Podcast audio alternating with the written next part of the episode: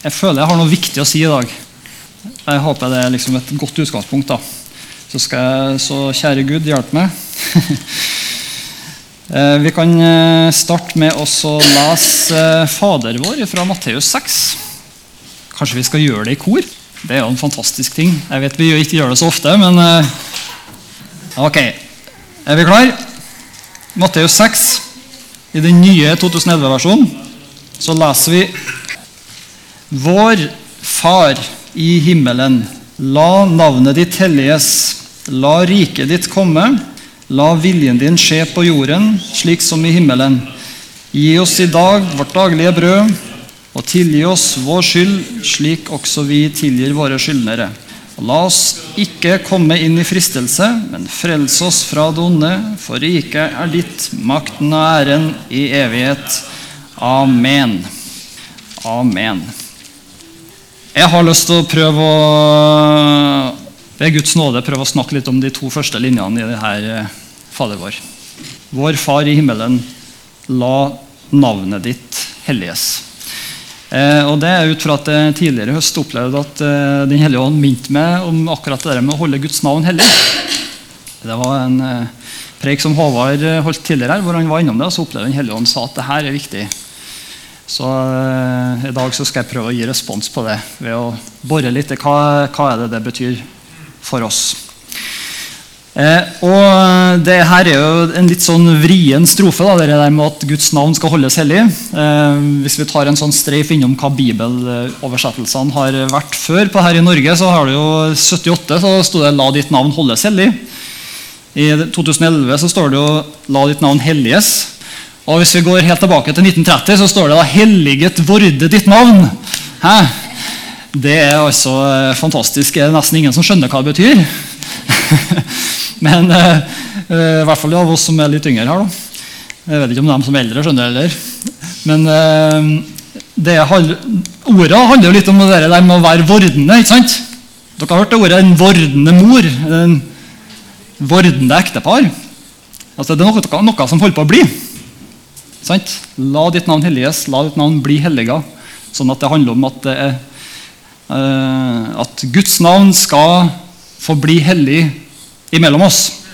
Sant? At det er noe som Gud gjør. Og Gud sier jo i blant annet i Esekiel så står det at Gud vil gjøre sitt navn hellig imellom oss. Så det er på ene sida noe som Gud gjør, og som samtidig er noe vi eh, er en del av.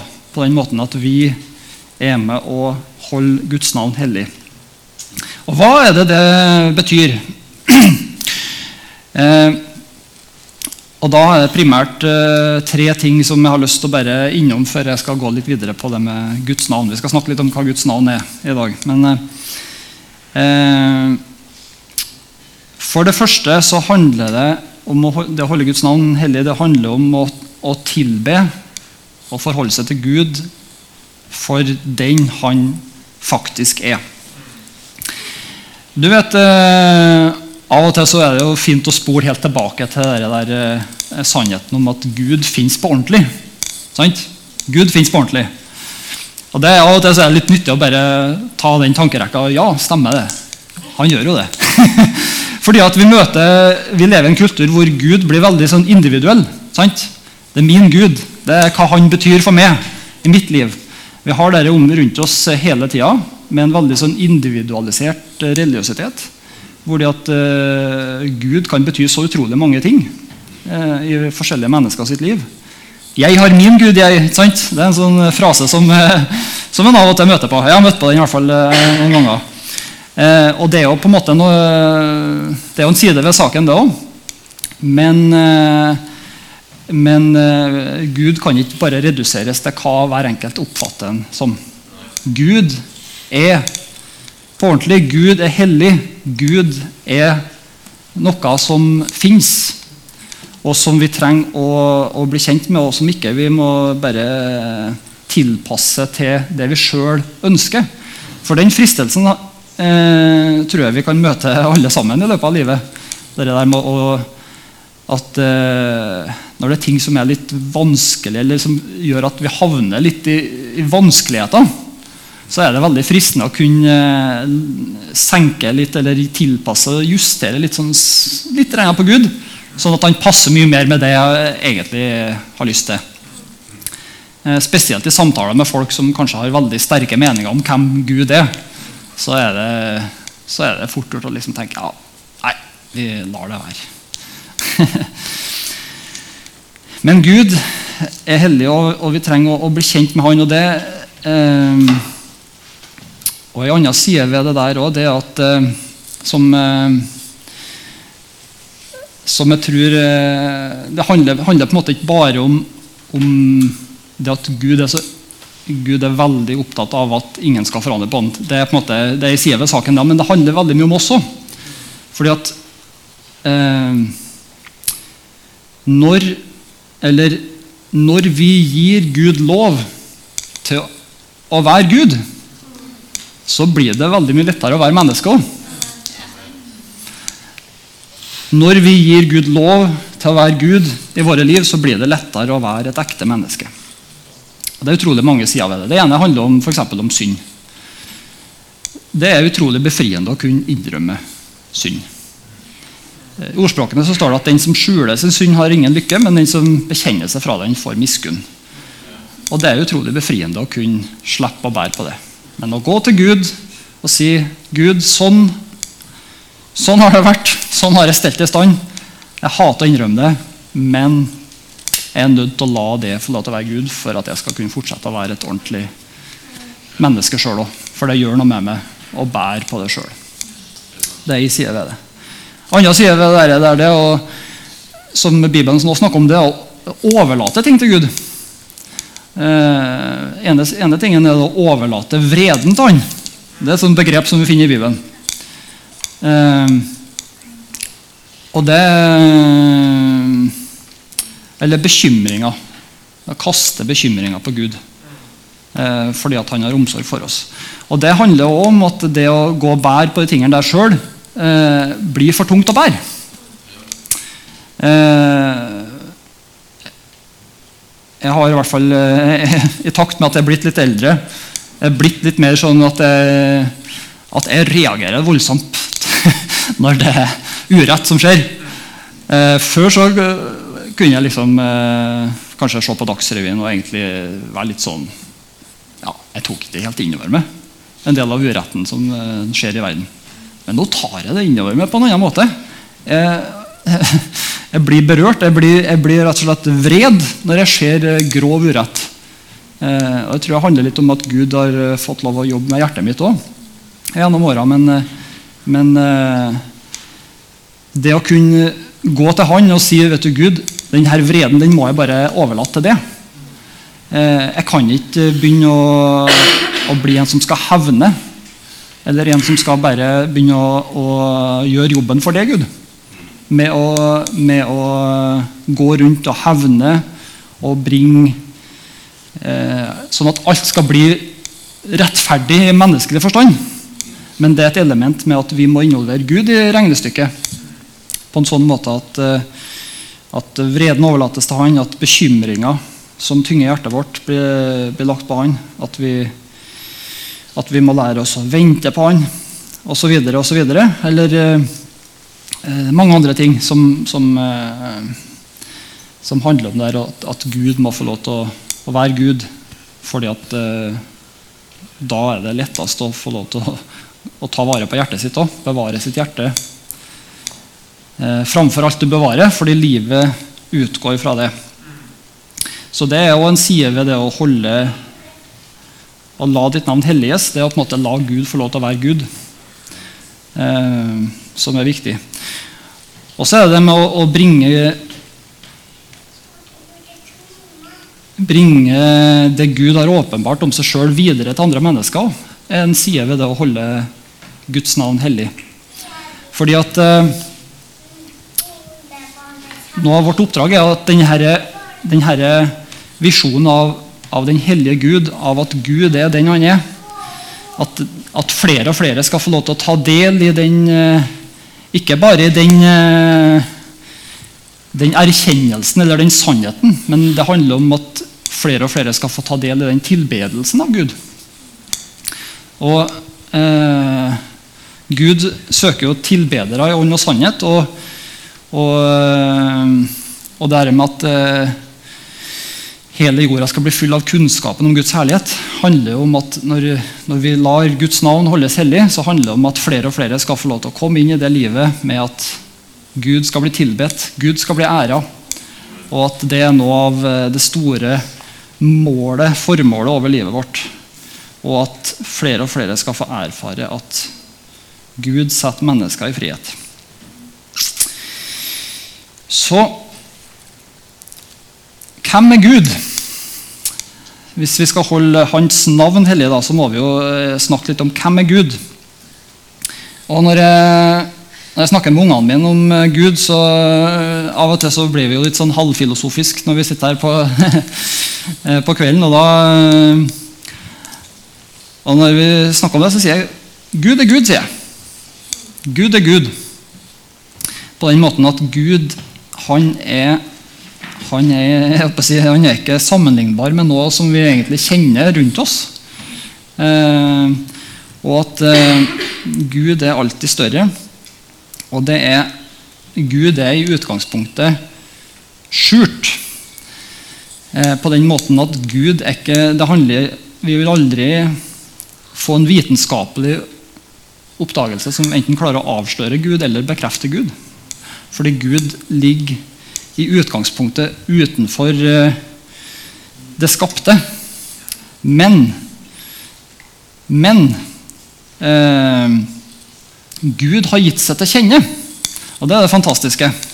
At Gud åpenbarer seg. Det betyr at, eh, at er, det er Guds sitt initiativ. Det er Gud som sjøl har bestemt seg for at de her sidene ved meg sjøl vil jeg vise dere. Dette vil jeg fortelle dere, sånn at dere kan få lov til å ha en relasjon til meg basert på det jeg viser fram for dere. Men eh, det, er, det, er, en del av premissene. Det er Gud som viser hvem han er, og vi gir respons til det gjennom å si amen og takk og, takk og lov, si, og at, eh, og at vi eh, finner vår plass i lys av det. Eh, og eh, av og til så av og til så snakker vi om de tingene der. Sant? Eh, det er jo ikke noe sånn, jeg tror ikke det er så nytt at det der med at Gud åpenbarer seg. og sånn, men, men, av og til så tror jeg vi kanskje gjør det litt vanskeligere enn det òg. Eh, akkurat det med at Gud åpenbarer seg.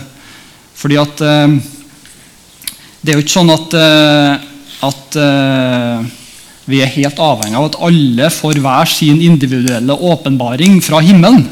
Sant? Det er ikke sånn at Gud vi, ikke, vi kan ikke gjøre noe som helst før Gud bare plutselig ramler i hodet på den vi står og snakker med.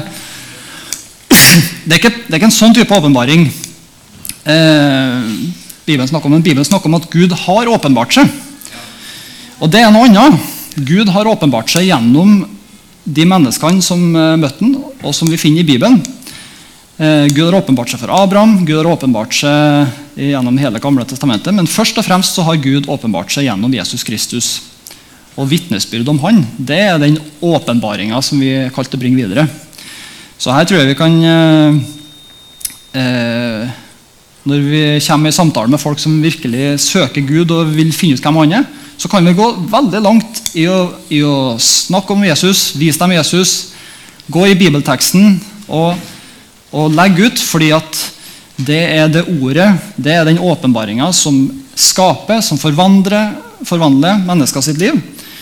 Og Det er den, eh, det er den åpenbaringa. Det er det Den hellige ånd jobber med når han overbeviser mennesker.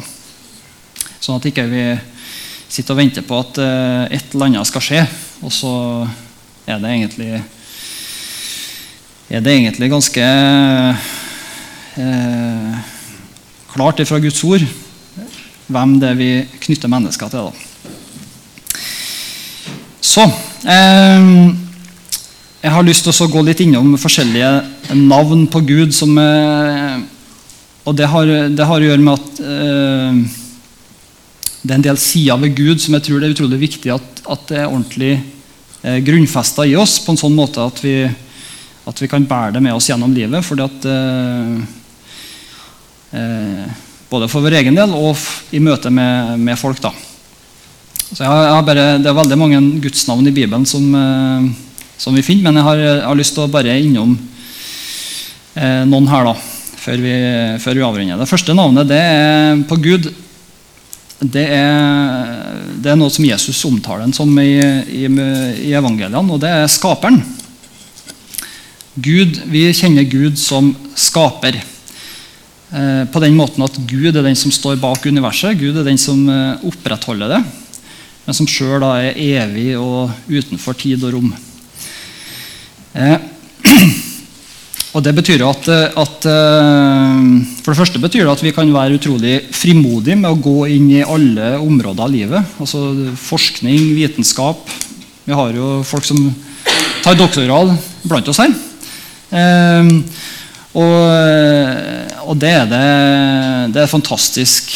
Eh, fordi at Med det å kjenne Gud som skaper, så, så gir det en ekstra, eh, ekstra, dimensjon over det å utforske universet. Eh, fordi at eh, eh, Vi er jo ikke med på den fortellinga om at det har å gjøre med flaks eller tilfeldigheter at universet er sånn som det er, men det er fordi at Gud står bak. Eh, og du vet, Bibelen, Bibelen snakker om at eh, skaperverket uttrykker Guds herlighet. Og det er jo litt interessant, for at av og til når en følger sånne debatter om, eh, om eh, hvordan universet er, og så, og så sier en del sånn, eh, ikke-kristne sier at ja, men, vi ser ikke noe mening i universet. Vi ser ikke, vi ser bare, vi ser ikke noen sammenhenger. Ser, det virker som ja, vi ser at det er komplisert. Vi ser at det, at det liksom er utrolig finjustert og kan være med på veldig mange sånne ytre erkjennelser. Men, skjer, men vi, vi, klarer ikke å se at det, er noe, at det er noe, mening. Og det handler jo, etter mitt skjønn, da, i bunn og grunn om at uh, du må få det åpenbart av Gud. At, en, at skaperverket er der for å uttrykke Guds herlighet. Det er det som gir det store rammeverket som gjør at vi ser at aha, her er det sammenheng. Her er det en, en uh, tråd i ting som gjør at, uh, at uh, det er med på å uttrykke noe av storheten til Gud. At han har gjort det på denne måten, at han har skapt oss, menneskekroppen, på denne måten. hjernen vår og bevisstheten vår alt det der. Helt dyreriket og universet og naturkreftene og alt som er. Det er med på å uttrykke Gud. Så det er på en måte ikke noe rart at han forstår det, for det er jo ikke noe du kan forstå Guds herlighet, men det er noe du trenger å få åpenbart. Men det er på en måte det rammeverket som vi får, og som, vi, som gjør at uh, det å jobbe med forskning og vitenskap som kristen er ekstra meningsfullt, etter mitt skjønn. da. Uh, fordi at uh, du vet at her er du med på å utforske noe som har Guds herlighet over seg. Og det er fantastisk. Og og jeg, jeg, tror jo at uh, I løpet av min levetid så tror jeg at uh, vitenskapen kommer til å bevege seg veldig i nye områder. Sånn, av og til så ser du sånne debatter om, om at sånn er det, nei, sånn er det ikke sant, med evolusjon eller kreasjonisme eller alt mulig sånn der folk blir veldig skråsikre. Så tenker jeg at ja, vi får se. hva, hva sier de om 100 år? Vet ikke. Men det er fantastisk at det er folk som forsker på det. Og så, så, vet vi at det står en Gud bak. og Hans herlighet er synlig gjennom det, så eh, det blir nok bra. Han får svaret på alt. Eh, så det er fantastisk. Det ære, ære Gud som skaper. En annen, en annen, navn på Gud som, som, eh, som, er fantastisk å vite om, det er at Gud, Gud kalles jo Herren. Han kalles Herren i Det gamle testamentet. I Nye testamentet så ser vi at det knyttes til Jesus Kristus. At han er Herre. Eh, og for meg er det fantastisk Jeg, jeg, jeg sjøl har fått et eh, Jeg føler at jeg har noe å si til folk som, som du møter, som, eh, som du ofte møter i Norge. egentlig. Folk som har livet på stell. Fordi at eh, i hvert fall Det har vært litt sånn i min vandring at eh, ja, hva skal jeg si til dere her? De, eh, de, er jo mer vellykka enn oss, liksom. Fikser livet og ser ikke ut som de har så mye trøbbel som vi har med å få hverdagen til å gå opp. Jeg er glad i at at det bare feiltolker, selvfølgelig. Men, men uh, hva kan du si? Og så møter du at Jesus Kristus han er herre.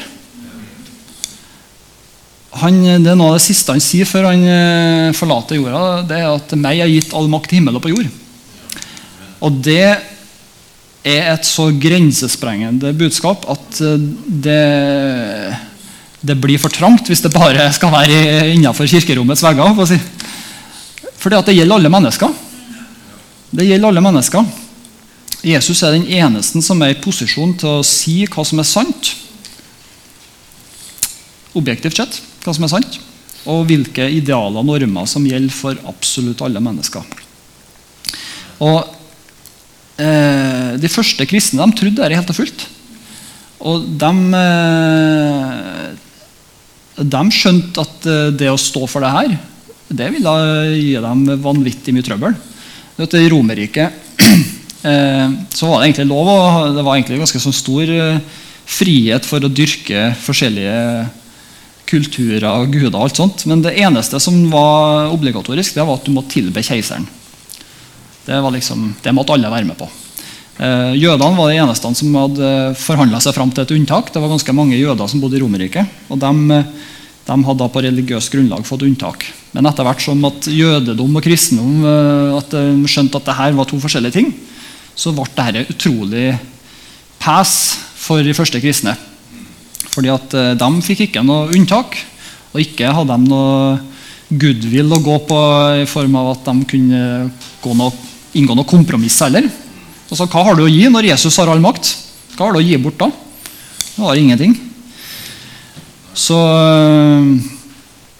så de måtte eh, betale en, en, pris i hele de første eh, århundrene for kristendommen. Så hva, hva, har det med Ola Nordmann å gjøre, si, som er tjukk av penger? Altså, for meg er det bare den historien når Jesus møter den rike unge mannen. Eh, et eksempel på hvordan det, hvordan det vi møter Hvordan er det vi kan møte folk som vi tenker her er, her er det liksom eh, her er det ikke om å gjøre å liksom snu opp ned på at du har masse trøbbel i livet. For du, jeg ser at du ikke har trøbbel i livet. Sånn, du fikser livet. Men uh, Jesus sa til den rike ommannen gå bort og selg alt du eier, og kom og følg med. Altså Den rikdommen du har, den, uh, hva betyr den? jeg holder på å forandre verden. Vil du være med? Liksom. Fordi at vi tjener en så stor visjon at alle mennesker som, som blir møtt av freden i det, som, som vet at Ok, det dere gjør, det, det må være Gud. Sant? Dere ser at Jesus han, Den visjonen han tegner ok, Jeg ser at det halter litt når man ser på kristendommens historie, men, men det bildet dere tegner av hvordan det ligger der fram, ja, jeg tror på det. Og det er den utfordringa vi kan Det er i hvert fall så langt jeg har tenkt. Den utfordringa kan vi gi til folk. Om å ta imot Jesus som Herre, og så ta del i en visjon om eh, hvordan jorda skal være forandra. Folk roper etter det. Altså, folk blir, eh, blir eh, Jeg tror folk blir litt sånn urolig. Det er mye snakk om miljøvern og mye snakk om hvordan jorda skal Og populisme og hele pakka der. Og, og vi trenger å være frimodige, folkens. Vi forkynner én Herre. En som har makt til å definere hva som er sant. Og han har, han har, nok tenkt på både miljøvern og populisme og hele pakka, han altså. Men eh, 2000 år etterpå så er han fremdeles svaret på hvordan verden skal se ut. Og det forkynner vi, folkens. Så vi har noe å si til den rike, unge nordmannen. Og så har vi noe å si til den som verken er rik eller ung eller, eller vellykka. Si. For Jesus er ikke bare herre, men han er også frelser. Og Det er jo noe av det som vi, det er det tredje gudsnavnet som jeg føler står skikkelig fram, og som vi trenger å bare ja, trenger å, ta inn i, livet vårt. I dag er det føtter en frelser i Davids by. Han er Kristus, Herren. Og det å kjenne Jesus som frelser, det handler om noe det henger jo litt sammen med det at den er herre, men det, handler om en litt annen side ved Jesus Kristus, eller ved hvem Gud er. Sånn, Gud er jo omtalt som frelseren i Gammeltestamentet. Han frelste jo israelsfolket. Første gang du møter ordet 'frelse' i Gammeltestamentet, er når, er når Israel blir berga gjennom Dødehavet. Nei, Rødhavet. Unnskyld. Og det sier vi at Gud han vil Han vet at vi er mennesker. Sant? De aller fleste av oss havner, havner i noe slags trøbbel eller krise i løpet av livet. Det er godt gjort å klare å komme gjennom livet uten at det er et eller annet som blir litt eh, trasig. altså. ja, men det er sant, det. Og, og, det å kjenne Gud som frelser, det er, ikke, altså det er selvfølgelig en dimensjon av at det er noe framtidig over det. Men jeg, jeg tror at uh, den sida ved at Gud og, og Jesus da vil, vil, berge oss, frigjøre oss, hjelpe oss her og nå i livet òg. Sette oss fri fra mislykkethet og elendighet og alt mulig rart som vi kan rote oss oppi. Det, det gjelder her og nå, folkens. Og ja, Frelsesverket handler om det. ikke sant? Jesu død, Jesu oppstandelse. Og det at han sendte ut Den hellige ånd. Det er en del av en, eh, av en frelsespakke. Eh, Helligånd er en viktig del av det. Det er ikke sånn at det bare er Jesu døde oppstandelse heller, men eh, det at Den hellige ånd kommer og blir en del av livet vårt, det handler om at Gud sender oss hjelpa til å leve som disippel, til å leve som en kristen. Og i den grad folk blir litt sånn ikke kjenner seg helt igjen i alt det som alle andre gjør i Den hellige ånds navn. holdt på å si. Så det er hvert fall viktig å, å komme ned på det punktet at Den hellige ånd er her for å hjelpe oss til å leve det livet som Jesus ber oss å leve. Ja, så Det er mange rike unge mann i Norge, men det er også utrolig mange som trenger en frelser. Altså, og Det er så vanskelig å se det. Fordi at eh, det er en sånn skam over, eh, over det å trenge en frelser. Det var det på Jesu tid òg. Altså, Sakkeus skamma seg. Han gjemte seg opp i treet for at ikke folk skulle se han. Men Jesus så han. Nikodemus kunne ikke gå til Jesus i dagslyset. Han gikk om natta. Han ville ikke bli sett. Eh, eller kanskje han ville ha god tid til å snakke med Jesus. Det kan jo være det Begge deler. Men, men eh, det er utrolig mange folk som trenger en frelser. Og, og Det handler om sykdom. at Jesus er en frelser der. Han setter folk fri fra sykdom. Fra rus, fra porno, fra gambling, fra bitterhet og sjølmedlidenhet og angst og, og, konflikter som gjør at vi går helt i vranglås. og det, det, er så, det er så mange ting eh, som, eh, som, er med å Der vi kjenner på mørkets krefter på en eller annen måte. Eh, I mild eller sterk grad. Og, Jesus er en frelser fra de tingene der. folkens. Så jeg, Av og til så får jeg høre vitnesbyrd eh, eller det har jeg egentlig gjort det hele, hele mitt kristne liv, vitnesbyrd om folk som tar imot frelse på en, på en eller annen måte. Jeg hørte en del i siste om folk som blir satt fri fra forskjellige krefter. Og, og her, her, tror jeg her, her har vi vår misjon i Trondheim, folkens. For at eh, vi, Jeg tror ikke vi er bedre enn dem som er profesjonsutdanna psykologer til å være eh, psykolog for folk. Nødvendigvis. Eh, eller, eller sosionom eller alt som Det fins så mye godt utdanna folk i Norge. Men, men vi, er, vi, er, sendt. Sendt av Gud. Og vi kan, vi kan dele Guds ord og vi kan be for mennesker. Og Vi kan lete etter hvordan kan Jesus sette dette mennesket fri, sånn at det kan være det mennesket som, som Gud har skapt og tenkt ut. Det, det, er det som er kjernen i det, det Gud har skapt oss til. Det er, det er å holde Guds navn hellig da. Gud er en frelser, og det må vi aldri gi slipp på. Uansett hva vi hører og leser i media, for der er det, det er mye det er mye går an å bli forvirra der, folkens. Amen. Så nå har vi snakka om skap, Jesus, eller Gud som skaper og herre og frelser. og det Jeg har bare lyst til å ta et par eh, navn til som, vi, som jeg tror er godt at vi har ordentlig i ryggmargen. folkens. Det fjerde jeg har lyst til å si, det er at Gud han er vår far. Det er jo det som eh, Jesus sier Fader vår òg. Vår Far i himmelen, la ditt navn, la navnet ditt som far holdes hellig. Eh, og det det er et gudsnavn som rommer noe viktig, tror jeg, eh, i vår tid. Én ting er at uh, Gud han, han, er far for oss på den måten at vi er en familie. Og at, og at vi er kalt til å ha et samhold, et vennskap, en omsorg og en tilhørighet eh, imellom oss. Uh, en ting er på en måte iblant oss i menigheten òg, men, men nå i et samfunn hvor ensomhet er på en måte den store, usynlige folkesykdommen. Undersøkelser fra 2018 sier at én av tre studenter føler seg ensom. En av tre studenter. Og de som jeg, har jobba hvor de får litt innblikk i tingene der, sier jo at det er utrolig mye ensomhet i, i Norge. Og i lys av det så, så, er vi kalt til å komme med en, en far. Vi har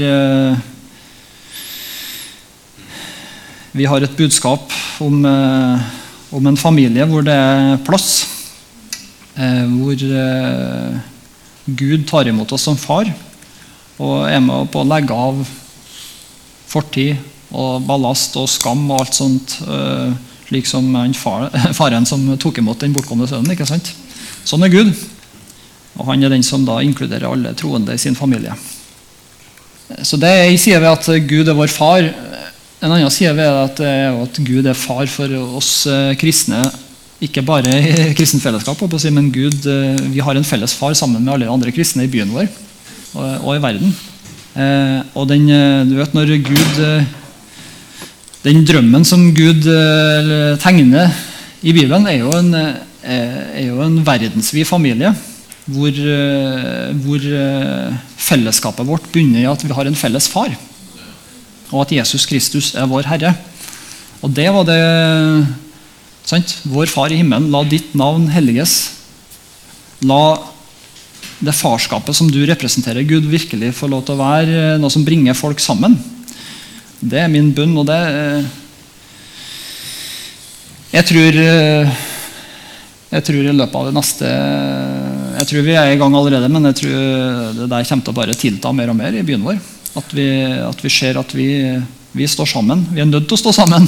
Vi er nødt til å heie på hverandre. Eh, det er utrolig mange andre menigheter i byen her som gjør et utrolig viktig og godt arbeid. Eh, både i det skjulte og ting som vi òg vet om. Og det at vi har en felles far, gjør at vi kan heie på, heie på det som skjer. ikke sant? Om det er ting som vi ser ulikt på, eller som vi gjør forskjellig, så kan vi ved Guds nåde tenke at det vi først og fremst ser, det er Guds nåde. og Det er det vi oppmuntrer, og det er det vi, vi tar tak i. Og så heier vi på Så ber vi om at eh, Gud virkelig skal få sin, eh, få sin menighet, få sin brud. Eh, og at det våre bidrag skal være med å, å gjøre. da. Amen. Eh, og det siste navnet som, som, jeg bare har lyst til å trekke fram på Gud, som jeg tror eh, altså Det jeg deler nå, det er på en måte de tingene som, som jeg sjøl føler betyr veldig mye for meg. Eh, og som gjør at det, eh, at det går an å, å, møte egentlig hva som helst i livet og likevel kunne, kunne være trygg i Gud. Eh, Noen ganger så vet jeg at det, Gud, nå må du bare være frelser for meg. Altså. Noen ganger må du bare være far. For at det, noen ganger er det, er det å møte Gud som herre. Alt dette lever jo litt sånn inn i hverandre, ikke sant? Men, men det er bare de navnene der eh, har Gud vist oss for at vi skal ha det forholdet til Gud. Da. Så Det siste som jeg har lyst til å, dele, det er å, å kjenne Gud som, eh, som, dommer. Det er kanskje ikke så mye snakk om, men det er ufattelig befriende. Jesus omtaler jo at, eh, at Gud har overlatt dommen til Sønnen. ikke sant? Og det det er flere vers på det gamle nye testamentet som omtaler Gud som dommer. Og det er på en måte et sånn eh, ei side ved Gud som eh, hva skal jeg si, er med på å gjøre at ligninga går opp. Fordi at eh, Av og til som når du møter innvendinger fra ikke-kristne på hvordan kan du tro på Gud, når du ser hvordan verden ser ut, så er det ved side ved at Gud har garantert et oppgjør med all synd og urett, og at alle skal stå til ansvar for Han som dømmer levende og døde. Det er vårt håp. Eh, og har ikke vi det håpet, så, så går ikke ligninga opp. Fordi at eh, det er helt rett. Vi kan være enige med alle folk at det er veldig mye urett. Det er mange ting som vi lurer på. Gud, hvor er du? I alt det som eh, skjer midt foran øynene våre. Eh, en ting er på en måte det som mennesker sjøl er med å sette i stand, det Og en ting, men så har vi jo naturkatastrofer og, og tsunami. ikke sant? Og det er mange ting som, der du ikke kan peke på at det er andre mennesker som er skyld i at det her har gått for seg. Men men vi tror på en Gud som eh, Når alt eh, menneskelig håp er ute, så, eh, så, vil han eh, sørge for at, at, eh, at, det blir rettferdighet. Det er egentlig et utrolig kraftig budskap, det òg. Det er bare kraftig budskap i evangeliet. Men, men eh, en ting er på en måte at vi, vi er faktisk i posisjon til å advare folk som utnytter og misbruker andre som tar seg til rette eh, på en måte som krenker andre mennesker, så, så, er evangeliet en advarsel. På den måten at eh, Gud eh, Du kommer til å stå for Gud for det du gjør. Så vend om, for Guds skyld. Det er det beste du kan gjøre. smarteste du kan gjøre for din egen del. er Å vende om og rydde opp etter det. Eh, ordne opp i det du har stelt i stand. Fordi at eh, Hvis ikke så kommer du til å ha med Gud å gjøre. Det er den fordi at du møter en rettferdig Gud som ikke ser mellom fingrene på synd og urett, men som faktisk kommer til å ta tak i verbidige ting som ikke du har gjort opp med Gud. Og det er klart Når, du, når folk oppdager at det er den guden vi tror på, så, så bringer det folk til, en, til, et valg om at ok, jeg er enig, jeg må rydde opp. Og det, det er omvendelsesforkynnelse, folkens. Og vi kan, På den andre siden kan vi også formidle Guds dom til folk som er fullstendig fastlåst i ting de har gjort som de angrer så gærent på og ikke finner noe som helst vei ut av. Det er den andre sida av saken. Eh, altså, du, du, får ikke omgjort den trafikkulykka. Eller du får ikke omgjort den, eh, den tingen du gjorde i fylla som var med på å ødelegge et annet menneske. Du får ikke omgjort på det, men eh, du må bare ta imot dommen fra Golgata. På at eh, Gud eh, kom sjøl og tok straffen for all synd. Du må bare ta imot den dommen. Det er det som setter deg fri. Hvis ikke så har jeg ikke noe å si til det. Det fins alltid tabletter, liksom, men, men, eh, skal du bli fri, så må du bare ta imot det Gud har gjort på Golgata. Amen. Så vi trenger å leve i lyset, og vi trenger å tilgi, ikke sant? for vi vet at vi sjøl trenger tilgivelse. Eh, og Alt dette handler egentlig om at Gud er en rettferdig Gud. Og det er det er et stort begrep som vi egentlig snakker I Norge så snakkes det mye mer om Guds kjærlighet enn om Guds rettferdighet. egentlig. Eh, jeg vet ikke hvordan det er med dere, men jeg føler i hvert fall selv at det, Guds kjærlighet det hører jeg mye snakk om, men eh, at Gud er rettferdig, det er noe som vi trenger å holde opp mellom oss. folkens. Han er rettferdig. Han ser ikke mellom fingrene på ting som blir gjort, men han er samtidig utrolig sjenerøs, som gir oss tilgivelse uansett om vi har virkelig rota det til. Så det er den Gud som eh, vi skal holde hellige, folkens. Dette er den guden som, eh, som vi trenger å justere livene våre inn under for å kunne leve som mennesker sjøl. La Gud være Gud, sånn at vi sjøl kan være mennesker. Det er fantastisk. Amen.